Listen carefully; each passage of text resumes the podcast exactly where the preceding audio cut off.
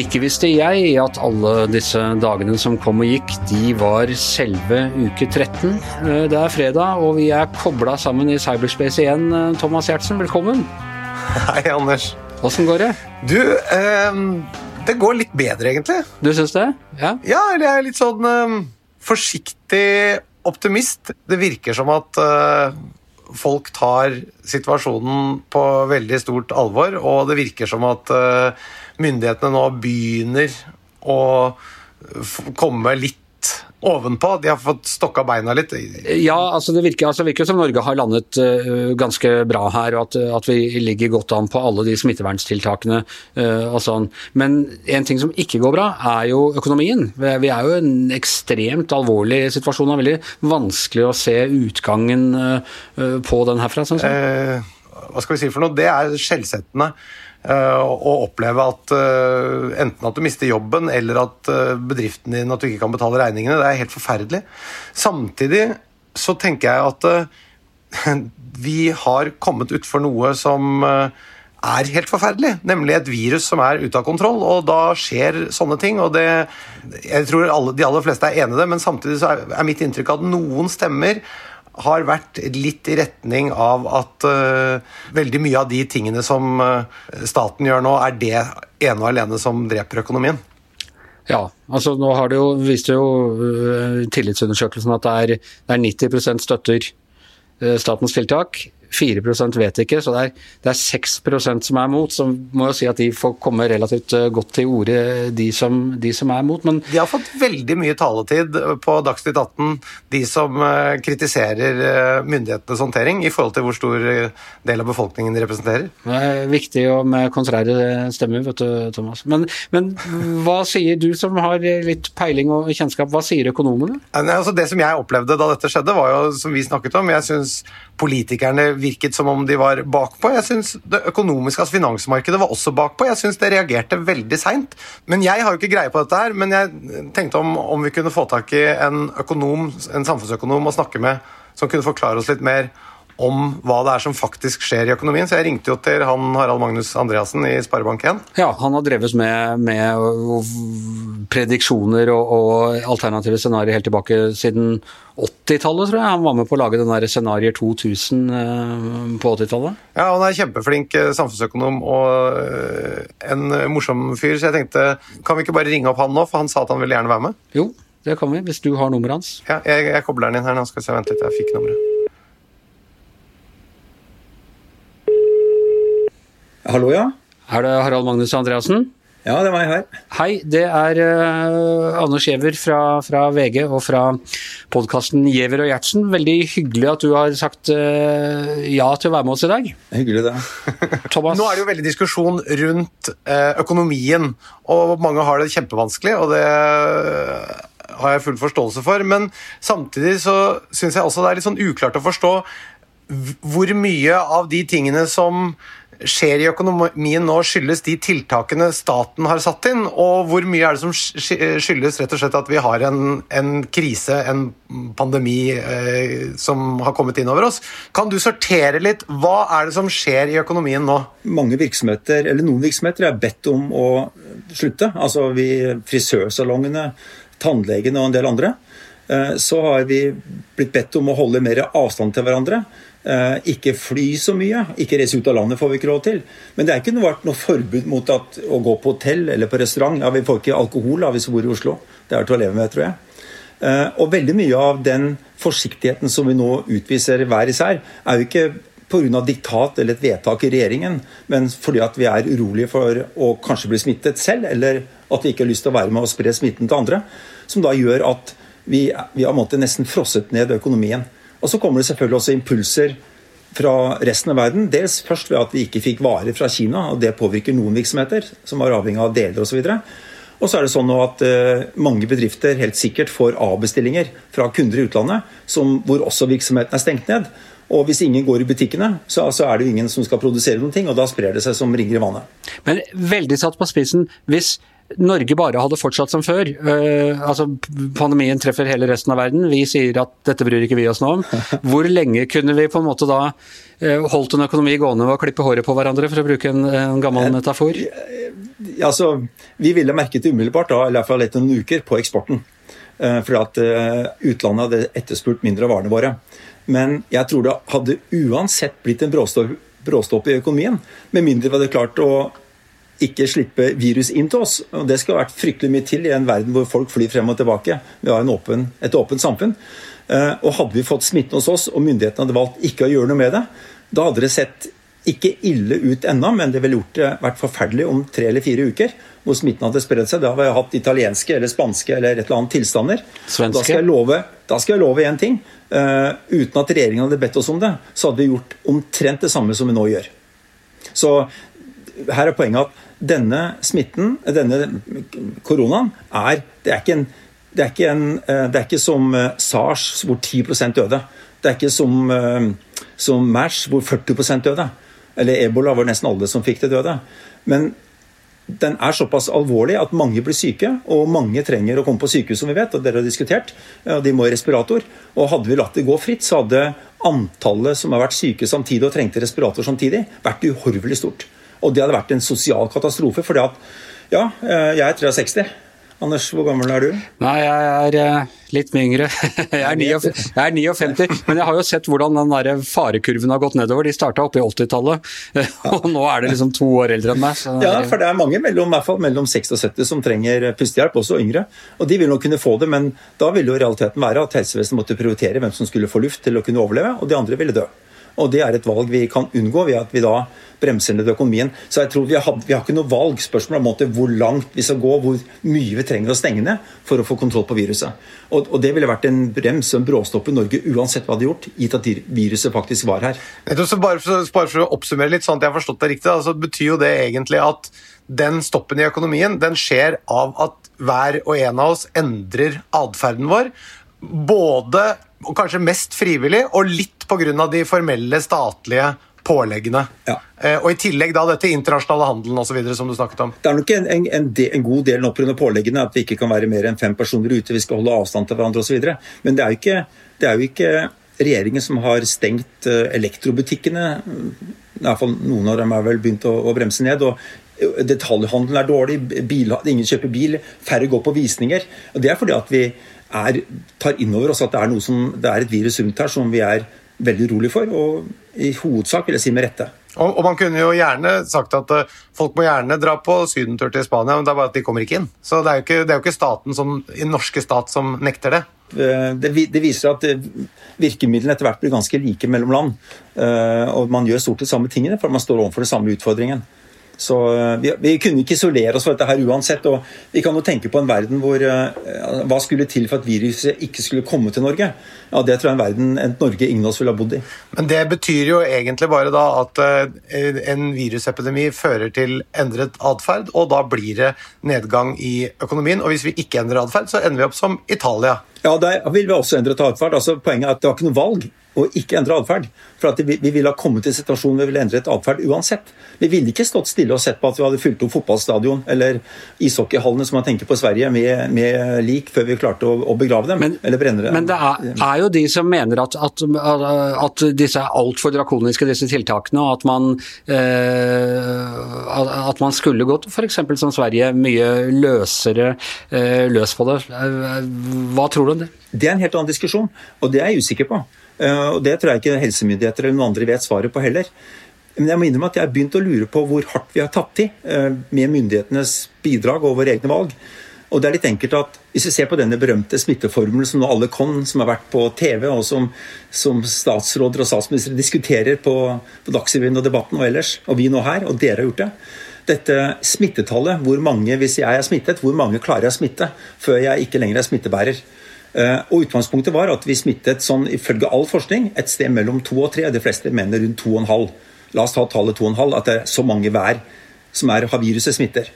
Det er gitt at vi oppfører oss som vi pleier å gjøre i samfunnet vårt. Da vil vi bare smitte 2,5? og det er poenget at Dette er ikke så ekstremt smittsomt. Altså, du kan tenke at Hvis du møter øh, du møter ganske mange personer i løpet av en dag. Hvis du møter 100 personer, da, så er ikke sannsynligheten så stor for at selv om jeg skulle ha viruset, at du skulle få det. Så du bør ikke være så veldig bekymret for å møte de som har smitte. vet du. Det er ikke så farlig, hvis det er noen trøst. Du, jeg må bare si... Men det er bare å si følgende, si, og mitt, mitt poeng er følgende. Sett at vi i det daglige tidligere møtte 100 personer ganske nært på jobben, på bussen, på T-banen, i familien, på konserten, på puben, på restauranten og hvor vi ellers måtte være. La oss si 100 om dagen vil jeg tenke meg var et naturlig tall. Hvor mange møter vi i dag? Dere sitter, jeg, dere sitter hjemme hos dere selv, jeg sitter i et hjem her i Bergen.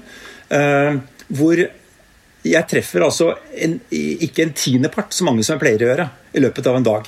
Og dette gjelder veldig mange. Uh, selv de som er på jobb, er lengre fra de, som, de andre som er på jobben. Og jeg kan ikke skjønne annet enn at smittespredningen nå jeg vet jo ikke, men jeg kan ikke forstå ut fra det hvordan denne formelen er lagd og hvordan den fungerer.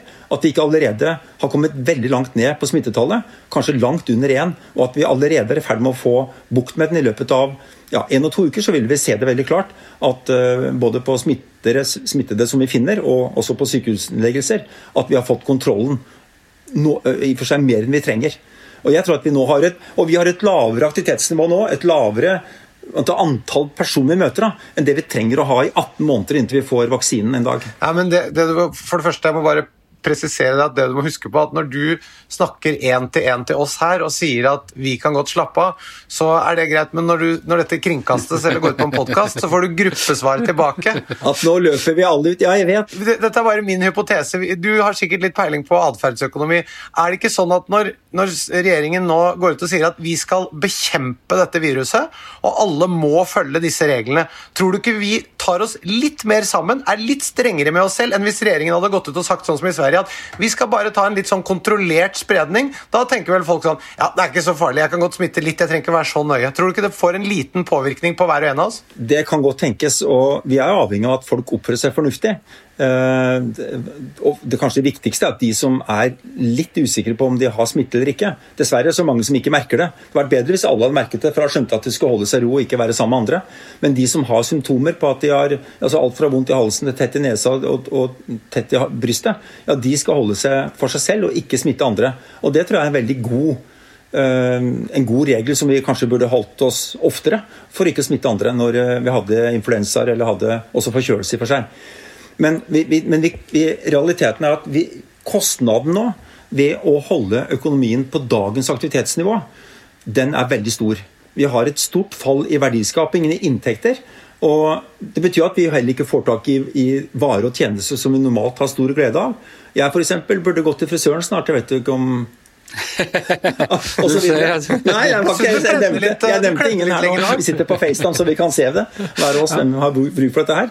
Så så spørsmålet er eh, på et eller annet tidspunkt nå, som vi ser at smittetallene kommer ned, og det er for seg greit å ikke si det ennå, for vi er ikke sikre på det, men jeg er ikke overbevist. Altså, for jeg, dette, dette, er ikke mitt fagfelt, men jeg kan jo putte tall i en formel og, og regne og simulere på et regneark, jeg også, som andre kan gjøre.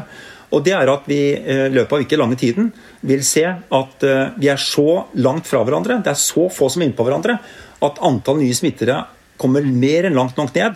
Og det betyr at vi kan f.eks. åpne barnehager. Vi kan åpne småskolen, og vi kan etter hvert gjøre flere ting. Vi kan gå og klippe oss og gå til tannlegen. Tannleger for øvrig, de er jo vant til å beskytte seg mot smitte. De har jo munnbind. og Det er et symboltiltak, spør du meg. Å, å den bekymra rynken som Thomas nå får uh, i pannen, den er, skal jeg ønske vi kunne vise fram på podkast. Altså. ja, men altså Dette er jo Dette her er jo som å oppfordre til slumseri. Altså, som om ikke folk Poenget er at det er, det er, ikke så mange av oss eh, som går rundt naturlig med en sånn oberst på skulderen, som holder litt disiplin. Du ser, De aller fleste går rundt med en sosionom på skulderen, og da blir det jævla slumsete. Jeg, jeg tror ikke sosionomene ville tiltre den vurderingen, men, men vi, vi, det, vi, altså det jeg tror da, eh, på det her, og igjen, Jeg er jo ikke spesialist på smittespredning, selv om nå leser jeg forskningspaper på dette som jeg aldri før jeg trodde jeg skulle lese. Uh, jeg tror at vi i løpet av ikke lang tid vil se at vi kan begynne å vende tilbake til litt mer normalt liv. Men for all del, jeg tror ikke at vi kommer til å kjøre konserter, teatre, kino, øh, andre sportsarrangementer Eh, vi kommer til å være lengre fra hverandre på jobben, vi kommer til å ha forholdsregler, vi kommer til å vaske oss bedre på hendene. Vi kommer til å ha en helt annet regime i lang tid fremover. Men, og så må vi prioritere, da. Hva er det som av sosial kontakt vi kan avstå i forhold til det som rammer økonomien og den økonomiske velferden til folk flest. For Nå har vi en situasjon hvor vel 11% er på Nav. Det var to, nå er det 11 ca. i dag, vil jeg tro. Jeg tror det blir 15-16 før måneden er omme. Det blir 20-25 i løpet av april hvis vi fortsetter å holde så mange aktiviteter nede. Og på et eller annet tidspunkt så må vi gjøre noe for å bringe folk tilbake i arbeid. Det er også store kostnader for øvrig for folk, med inntektsusikkerhet. Det er utfordrende for mange bedrifter. Det betyr ikke at jeg sier at fordi at noen sliter økonomisk, så må vi nå slippe tøylene. Men argumentet er andre veien.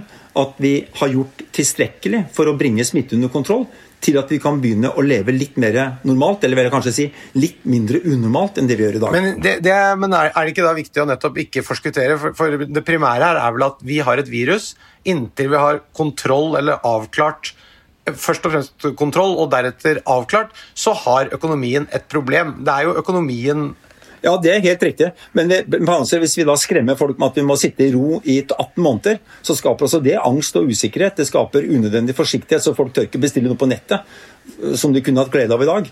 Eh, så det er jo en avveining her. Hvis du skremmer folk til at de skal tilbake til steinalderen, så, så det, har det store kostnader, også psykisk for mange. Og, det er ikke noe, og det, jeg tror det ikke er noen grunn til det.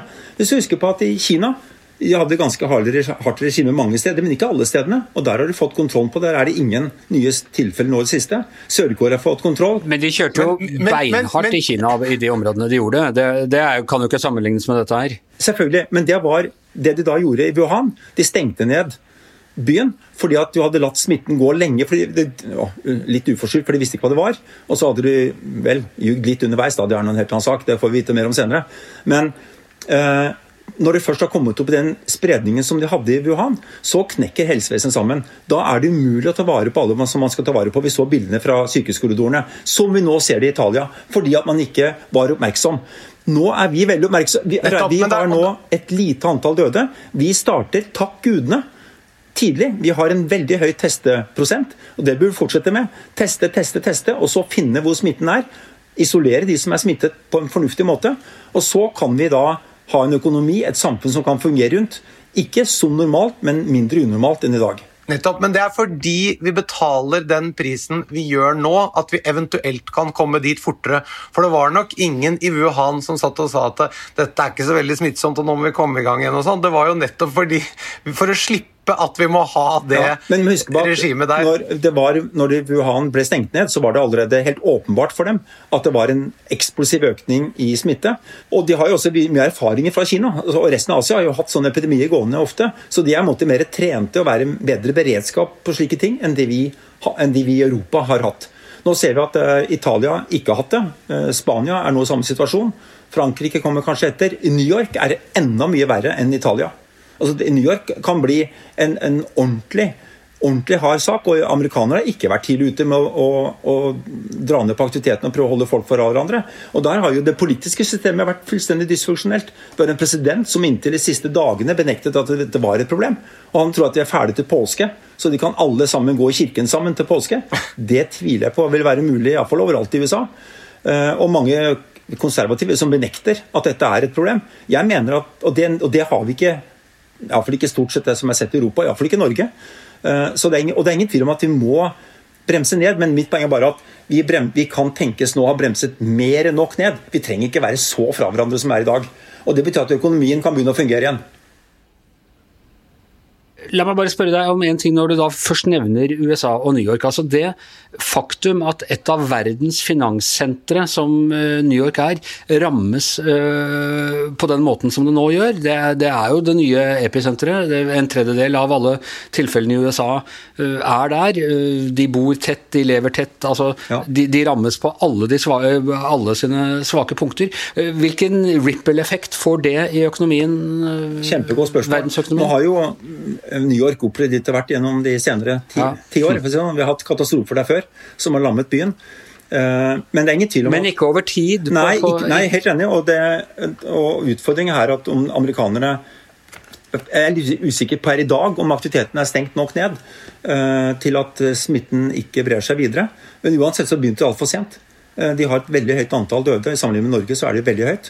Og det er veldig mange, De tester mange, noen flere nå, og de finner en tredjepart i de tester har smitten. I Norge er det vel 4-5% eller ja, 3-4% som har smitte når det blir testet. Og vi har testet veldig mange. Der må jeg bare skyte inn at I Norge for tre dager siden var det vel, så var det plutselig et hopp, bare så du vet det, på Da var det 11% av de testede den dagen som uh, var smittet, mens det normalt har vært på 3-4. Ja, det er noe sånn hakk innimellom, men det kommer også veldig mye av hvem man tester. Så vi skal være forsiktige med å sammenligne mellom land. for at Noen ganger så tester man bare de som er skikkelig syke før de skal legges inn på sykehus, og da blir prosentsatsen veldig høy. Andre tar mer eh, tilfeldige tester, og da vil antallet som er positive være langt lavere. Og Hvis vi da tok en del syke personer i Norge før det skal legges inn, så var det også for høyt tall i Norge. Det er jeg enig i. Men jeg, jeg, altså jeg, vet ikke hvordan det går, men jeg kan ikke skjønne annet enn at den avstengningen fra hverandre som vi nå har Hvis vi legger sammen da alle personkontaktene nordmenn har i dag, og meningsmålingen som kom her på NRK forleden viser det samme, eh, vi er fra hverandre. Og hvis all smitteforskning og all forståelse av smitte er riktig, ja, så må jo spredningen av viruset ble veldig hardt dempet i samfunnet samlet sett. Men hva, hva, tenker du om dette i, i, i, forhold til Sverige? For I Sverige har det jo gått en annen vei, og det er ikke sånn jazz-improvisasjon som det Trump driver med, men en, en overordnet helsefaglig uh, vurdering. Ja. Uh, vil de komme be, altså Gitt at viruset eh, ikke er så Vil de komme bedre ut enn vi gjør i Norge rent økonomisk, når du ser på økonomien i det? Eller er det egentlig litt tips om happ? Det skulle jeg gjerne ha visst, det er det ingen som vet. Eh, og det, det er jo argumenter for at det kan være greit å dra hardt til i noen få uker, og så komme det på et nivå vi, sånn at de ikke kommer tilbake. Men de, vel mange smitteforskere sier at det, det, vil komme tilbake, for vi klarer ikke dette viruset være, være rundt oss lenge. Og vi blir ikke måtte, kvitt det før vi har fått vaksinert en veldig stor del av befolkningen, så at det ikke kan spre seg. Eh, men vi vet jo ikke hva som er det riktige av Sveriges måtte, milde oppbremsing eh, og det som nå fremstår for meg som en ganske brå undertrykking og, og bekjempelse av viruset her i Norge. Eh, dette blir jo oppgave for mange doktorgrader i tiden som kommer. Hva som er det fornuftige. Som vi har vært inne på en del ganger her nå. Veldig mye av dette skjer pga. at vi forbrukere endrer atferd selv, uavhengig av hva staten ber oss om. Ja. Hvis det er likelukt i byen, så tror jeg folk holder seg inne, uavhengig av hva staten har sagt. Ja, det blir ikke lukt der borte, for de legger den på kjøla på De har mange ishaller der borte. Som vi har slutta å spille ishockey på. Uh, nei, det var ikke pent sagt. Ja, men de, de skal ha ishockeyhallene åpne, de, så det er ikke noe plass til det der. Ja, jeg snakket med en, en, en, en god bekjent og tidligere kollega i Stockholm i går, og i Stockholm er det jo veldig stille. Så det er godt mulig at den frivillige selvisoleringen som skjer ville skjedd overalt i verden, iallfall i opplyste samfunn, ja, den er tilstrekkelig i, eh, i, eh, også i Sverige til at smitten blir lav nok. Men gjenstår å se, og de har mange døde. Nå åpner de Sats igjen i Sverige. Eh, virker, de er jo på en annen planet når det kommer til altså her, her er vi redd for at vi liksom er for nærme hverandre når vi passerer hverandre med bare en meters mellomrom. Og der åpner de Sats, hvor de liksom skal stå og svette og kose seg midt oppi dette her. Ja, jeg, det er spennende. Eh, du kan si at et sats Altså tannleger eller frisører eller sats eller måtte, mange sånne enkeltting, de har lite å si for den samlede smitten i samfunnet. Uh, og det er ikke sånn at vi trenger å ha dette smittetallet for samfunnet ned til null. At altså, ingen skal bli smittet for at viruset skal dø ut. Det holder om det er under én. Uh, og det, her gjelder det, når vi ser over tid, i alle fall, for hele gruppen av mennesker. Så om du får en liten oppblussing via et treningssenter, så er ikke det nok til å starte en ny epidemi hvis de som er på treningssenteret ikke igjen besøker veldig mange andre etterpå. Hvis det er bare på trening det skjer, så er ikke det nok til å starte en, en ny epidemi. Og husk på dette, Forskjellen her er at eh, hvis det hadde vært et, et ordentlig farlig virus, altså SARS, da døde 10 det er farlig. Og samme var da jeg, jeg, Da ville jeg vært livredd for å kunne få det viruset i meg, selvfølgelig. Hvis et virus hvor dødeligheten er en halv prosent, kanskje 1 hvis vi tar med at, vi, at, de virkelig gamle er mer utsatt, eh, altså eldre som har andre lidelser i tillegg, eh, så er ikke det nok til at vi bør være så veldig altså Vi trenger ikke være bekymret for det på individuelt nivå. Og Det var en skribent her som foreslo Aftenposten forleden at alle under 40 burde frivillig på, altså på poda sykdommen inn i armen og ta den. For de blir ikke syke av det av betydning. Det er ikke noe farlig. Bortsett fra det jeg kjenner noe. Ja, godt bekjente her i, i, i nabohus og, som, uh, hvor yngre folk er uh, ganske sjabre. Så jeg er ikke sikker på om det var riktig. Men det er ikke sånn at dette er en sykdom som er måte, uh, livstruende for folk som, er, som ikke er så gamle. Da vil jeg bare spørre han om han er villig til å også eh, gi en sånn eh, livsforsikring. Han har da selvfølgelig full kontroll over eventuelle langtidsskader av et sånt virus, sånn som Zika-virus f.eks. Der viste det seg jo i etterkant at uh, gravide kvinner fikk fosterskader og sånn. Han tar ansvar for det, han skribenten i Aftenposten, da, eller? Ja, det må du spørre han om, ikke meg, men uh, det er også noe Nei, men jeg bare syns det er jo interessant å uttale seg så bastant om de medisinske implikasjonene som, som, ja. sånn som han gjør Nei, han, han, i Aftenposten. Men at, at, eh, fordi at dette er et virus som har vært i verden i eh, noen få måneder Jeg syns det er rart at noen da kan liksom bare dundre på med flokkimmunitet og at alle burde få det og sånn. Jeg, jeg syns det er rart å være så bombastisk som enkelte er. Ikke du, jo, men, men enkelte andre er, en, det er en god betraktning. Da. og at det sånn sett kan være argumenter for å, å bekjempe det. Og stoppe smitten av det. Men hvis det er et virus som er til fleste steder i verden, og nå er det de fleste steder i verden, eh, så vil det veldig sikkert være blant oss eh, i lang, lang tid fremover. Eh, og Det betyr at det å basere seg på at vi klarer å slå det helt ned, at vi ikke vi skal måtte, tro at det er det som er løsningen, det er også en, en, en, dristig strategi. For det betyr at en liten del av befolkningen da blir immune mot det, og er mer utsatt hvis det kommer tilbake igjen. Og det vil det trolig gjøre i løpet av de neste 18 månedene eller hva det måtte være, til vi har en vaksine. Ja, eller vi må, vi må ha en sånn strategi som de har i Singapore, eller sånn, hvor du tester masse masse folk, og så må du spore både de som da er smittet, og de kontaktene deres, og så må du isolere de. Det er i hvert fall den modellen som enn så lenge Verdens helseorganisasjon anbefaler, er det ikke det? Jo, og det med testing og testing og testing og isolering av de som, er, de som har smitte, er åpenbart en veldig viktig måte å gjøre det på. Og som er da mindre ødeleggende eller mindre hemmende for økonomien. Og det er klart at Hvis jeg da ser på økonomien, så var det bare grunnen til at jeg ringte til meg, ikke for å få en utredning om smittespredning, vil jeg tro. Så jeg skjønner, jeg skjønner hva du er opptatt av. ja. Men en annen ting som er interessant, og noe av grunnen til at vi ringte deg, for du er jo fagmenneske. Og i, i, i Sverige så du, er det fagmenneskene som styrer. Eh, på helsesiden, iallfall. Mens politikerne ja. Ja, på, helse, ja, på helsesiden. Ja, det er ikke økonomene som har tatt avgjørelsen her. Men, men eh, syns, altså, hva tror du er det lureste? Er, det, er dette de politiske valgene? Eh, uh, som er den smarteste veien å følge, eller burde man fulgt de rene faglige rådene? Jeg vet at dere økonomer av og til tenker at politikerne kan være vel, eh, vel politiske i, i, sine valg? Vi liker vel å, tenke at økonomene eller fagfolk skal gi alternativer med, som har ulike konsekvenser. Eh, og at politikerne skal ta valget hvilke av de ulike alternativene som de vil prioritere. Eh, og fagfolkene sånn da kan gi råd og vurderinger, men at de vil jo i veldig mange sammenhenger være opp til eh, vårt fellesskap, altså i eh, det politiske systemet, regjering og storting, til å fatte viktige beslutninger. Så jeg tror ikke at vi kan sette ut vanskelige beslutninger til fagfolk. Selv om på en del områder Vi gjør det jo med rentesetting. I Sverige gjør de det på veibygging, og det tror jeg kanskje også burde gjort mer av i Norge. Så at vi fikk bygget de beste veiene, eller de mest nyttige veiene for samfunnet. Så det er alltid en diskusjon om hva fagfolk skal beslutte, og hva politikere skal beslutte. Men jeg tror når det gjelder dette her, så det viktigste tror jeg er at det er åpenhet hva fagfolk foreslår. Det er åpenhet hva andre fagfolk mener kan være riktig. Og det må være åpenhet om hvilke vekt, hva, hva, politiske myndigheter har lagt vekt på når de har tatt beslutningen. Jeg syns kanskje denne uken er båret litt preg av at det er litt uklar kommunikasjon fra folkehelse, Helsedirektoratet og, og regjeringen på hvilken ordbruk de velger når de omtaler holdningen hva vi skal gjøre for noe med viruset. Jeg tolket det litt sånn i beste mening, ja, det er mulig det er feil, for jeg tolket det litt som at, eh, at eh, regjeringen sier at vi har en plan A er å bekjempe det og slå det ned, og plan B er å gå for en flokkimmunitet hvis vi ikke lykkes med plan A. Jeg, jeg, for meg så virker det fornuftig. Ja, og det var regjeringens eh, i hvert fall fortolkning av hva regjeringen sa. Eh, folkehelsa sa ikke det. De sa de skulle vurdere hvilken strategi som var fornuftig når man så resultatene av det man allerede hadde gjort. Og det skulle man gjøre da om to uker. Og jeg tror at vi, Akkurat nå så er det ikke noen grunn til å bestemme seg for den strategien.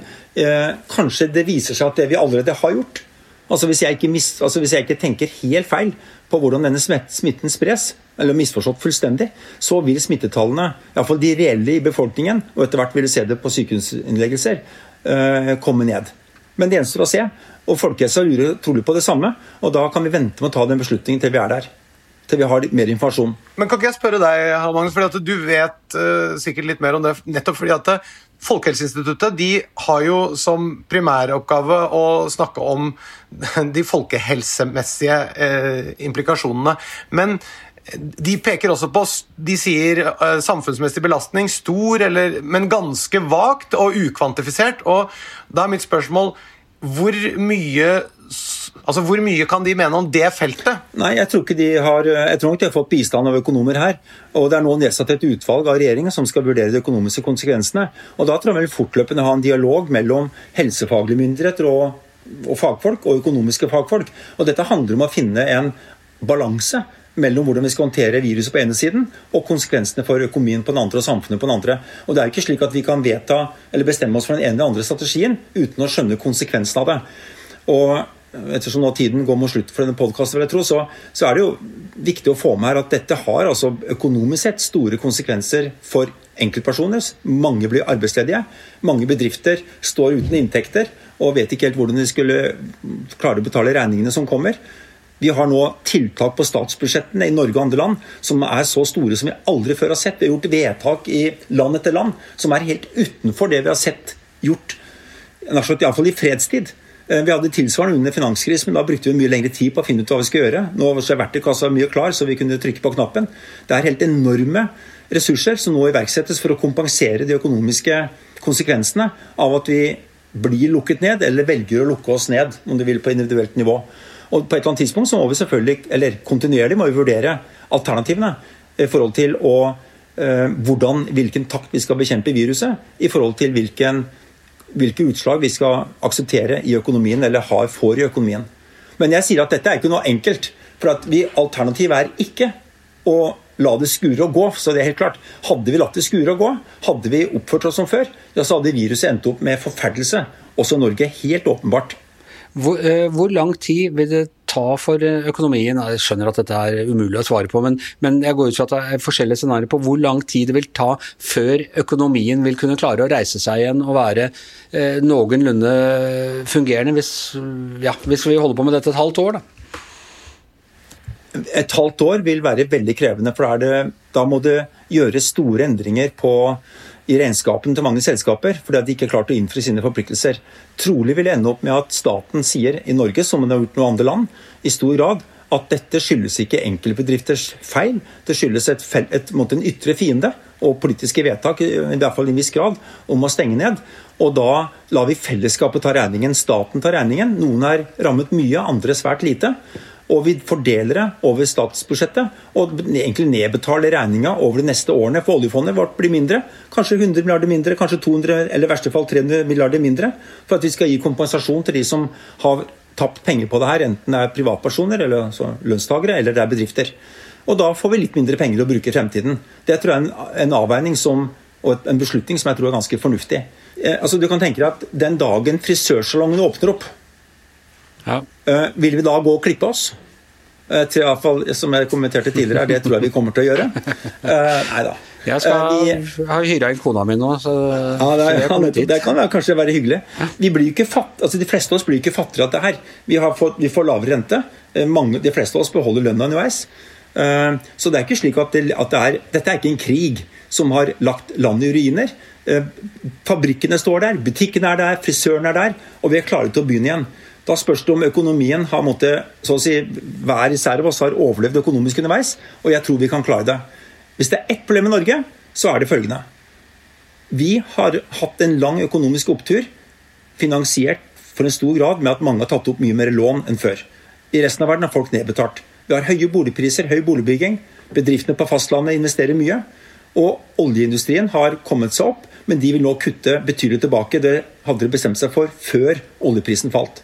Så vi kan være litt uheldige her. At vi har et boligmarked og vi har en, en oljeinvesteringer sammen med fastlandsbedriftene som kommer til å, å, kutte tilbake på investeringene. Så vi har en sterk, veldig sterk stat, vi har stor frihet i finanspolitikken. Men det er ikke nødvendig at privat sektor av den grunn løper og kjøper uh, hvis man får det for seg, som andre har fått før, og som vi har fått før, at det er på tide å spare penger. Uavhengig egentlig av korona, men utløst av korona. Men du, hva tror du vil skje med næringer som fly, hotell, altså turistnæring, eh, kontorlokaler? Tror du det vil komme tilbake på samme nivå som før, eller tror du at vi får en ny normal i mange uh, bransjer? På kontorer så er det sånn at uh, folk vil sitte lenger fra hverandre. Kanskje hjemmekontor blir mer utbredt, men jeg må innrømme at jeg savner kollegaene mine. Og diskuterer med dem Jeg er mer effektiv på kontoret enn jeg er hjemme, tross alt. Informasjonsmessig. Eh, når det gjelder reising, så er det vanskelig å si, men jeg må innrømme at jeg har vanskelig for å se for meg en verden hvor ikke nordmenn har lyst til å dra til Frankrike, til Spania, til Thailand, eh, til Danmark. Eller kinesere ikke har lyst til å dra til Norge. Og når de er kvitt viruset, og vi er kvitt viruset, og det er helt trygt å reise, så jeg, tror jeg nok at vi kommer tilbake til de gamle, gode vanene. Så får vi se hva klimaet krever oss. Men eh, jeg Si sånn, jeg drømmer iallfall ikke om en avglobalisert verden som innebærer at vi ikke kan dra og besøke andre og være på flere andre steder, og andre ikke skal kunne komme til oss. Og jeg tror heller ikke nødvendigvis at det kommer til å føre at globalisering på varer og annen handel kommer til å bli satt fullstendig på vent. Det vil være ekstremt kostbart og utrolig upraktisk for oss. Men er det ikke da en slags fin konklusjon, Harald Magnus, at vi nå er enige om at vi er litt ekstra strenge? Veldig kort tid nå, effektivt, får dette under kontroll, og så kan vi snarest mulig da komme i gang igjen på en, med en måte der vi har kontroll, kontroll på viruset, og økonomien kan Ja, da har vi, blitt, da har vi i løpet av en podsending blitt helt enige. Det syns jeg var en veldig bra oppsummering av det hele. Jeg er ikke helt sikker på om dere er helt på linje på hvor fort vi kan løfte opp igjen, men eh, det er veldig bra at, uh, at dere kan møtes her og ha en dialog om dette. Jeg, jeg tror ikke vi er så veldig uenige, skjønner du, Anders. Du må bare du må bare hensynta min uh, psykiske grunnholdning. Så, men, men, jeg skal ta dette innover meg, også psykologisk. Jeg har i hvert fall lært veldig mye, Harald Magnus. Dette var utrolig opplysende og oppklarende. Så tusen takk for at du var med oss. Bare hyggelig. Ja, Thomas. Uh må jo si at nå ble jeg litt Nå har du vært litt beroliget av uh, helsemyndighetene. Nå ble jeg eh, litt beroliget av, av en av økonomene. Jeg bare håper at vi nå alle er enige om at eh, vi skal ikke slappe av ennå. Det er det eneste Ja, du, han mente jo å kunne åpne tannlegen og litt sånne ting. Ja, det trenger vi ikke. Altså, du må misforstå meg rett. Jeg har full respekt for at det er mange bedrifter og, og ansatte som sliter. Og, og, men jeg har stor tillit til at staten tar vare på dem. Det er jo noe av det som er det fine med dette som har skjedd nå, at man har en felles ytre fiende, som eh, Harald Magnus var inne på også. Det, det, er koronaviruset, og det legitimerer at staten nå åpner opp og sier at dette er ikke eh, enkeltbedrifters feil, det er ikke de ansattes feil. Så dette tar vi på fellesregninga, og vi har en stor heldigvis stor eh, sparebøsse. Så, sånn sett så er vi jo ganske heldige i forhold til mange andre land. Da. Er jo rørende oppslutning om staten på disse tider. Alt fra, fra økonomene og, og helsemyndighetene og alle samler seg nå liksom rundt den sterke, sterke, staten. Og de kontrære stemmene, det begynner å bli lenger mellom dem. altså. Ja, nei, Du sa jo det innledningsvis, at det var 90 eh, oppslutning om de tiltakene som staten har, eh, eller regjeringen har satt i verk. Så jeg tenker at eh, hvis man har lyst til å være kontrær Noen mennesker vil jo alltid være kontrære. De vil alltid mene noe annet fordi det sosialt gir dem status, eller fordi de jobb og profil, altså profilmessig i jobben, så, så, trenger de å mene det motsatte av fellesskap og sånn. Så jeg tenker at i og med at det er så mange nå, så har vi egentlig råd Hvis noen har lyst til å være kontrære nå og kritisere staten og sånn, så eh, går det helt fint. Det er bare å melde seg Nå får vi Vi er nok folk som følger statens råd, og som mener at det staten gjør, er riktig. Så hvis noen har lyst til å være kontrære, så er det bare å melde seg, og, og vi spanderer, fellesskapet spanderer på dem. Ja, men nå må du ikke liksom gjøre det alt sånn at alle løper på en gang og skal være kontrære, for da blir det litt som med dopapiret, at selv om det egentlig er plass til alle, så, så blir folk litt for overivrige og, og drar med seg alt dopapiret på en gang. Så også dette må, må gjøres med verdighet og, og ro, den, den, kontrære reaksjonen. Det er riktig, men eh, vi tåler å være, vi tåler å være 60 eh, som er for og som tar dette alvorlig. Da redder vi fellesskapet, også ja, de kontrære. Ja. Nei, du, du, føler deg på trygg, trygg grunn nå, Thomas. Det, det, er bra. Eh, da er Giæver og Gjertsen over for denne uken. Vi høres igjen om en uke, vi to. Men i mellomtiden så skal det være andre podkaster, og, og, det er podkast både lørdag og søndag. Vi kjører podkast hver eneste dag i denne unntakstilstanden for landet. Så inntil videre, ha det riktig bra. Ha det bra du også, Thomas. Ha det, Anders. Hold ut. Vi må bare være ikke noe folk ennå. I hvert sitt hjemmestudio, eh, Thomas Gjertsen og Anders Giæver. Takk til Harald Magnus Andreassen. Og vår eh, smittevernsoverlege og mannen som sørger for at eh, vi ikke gjør noe overilt for tidlig, Magne Antonsen, produsent.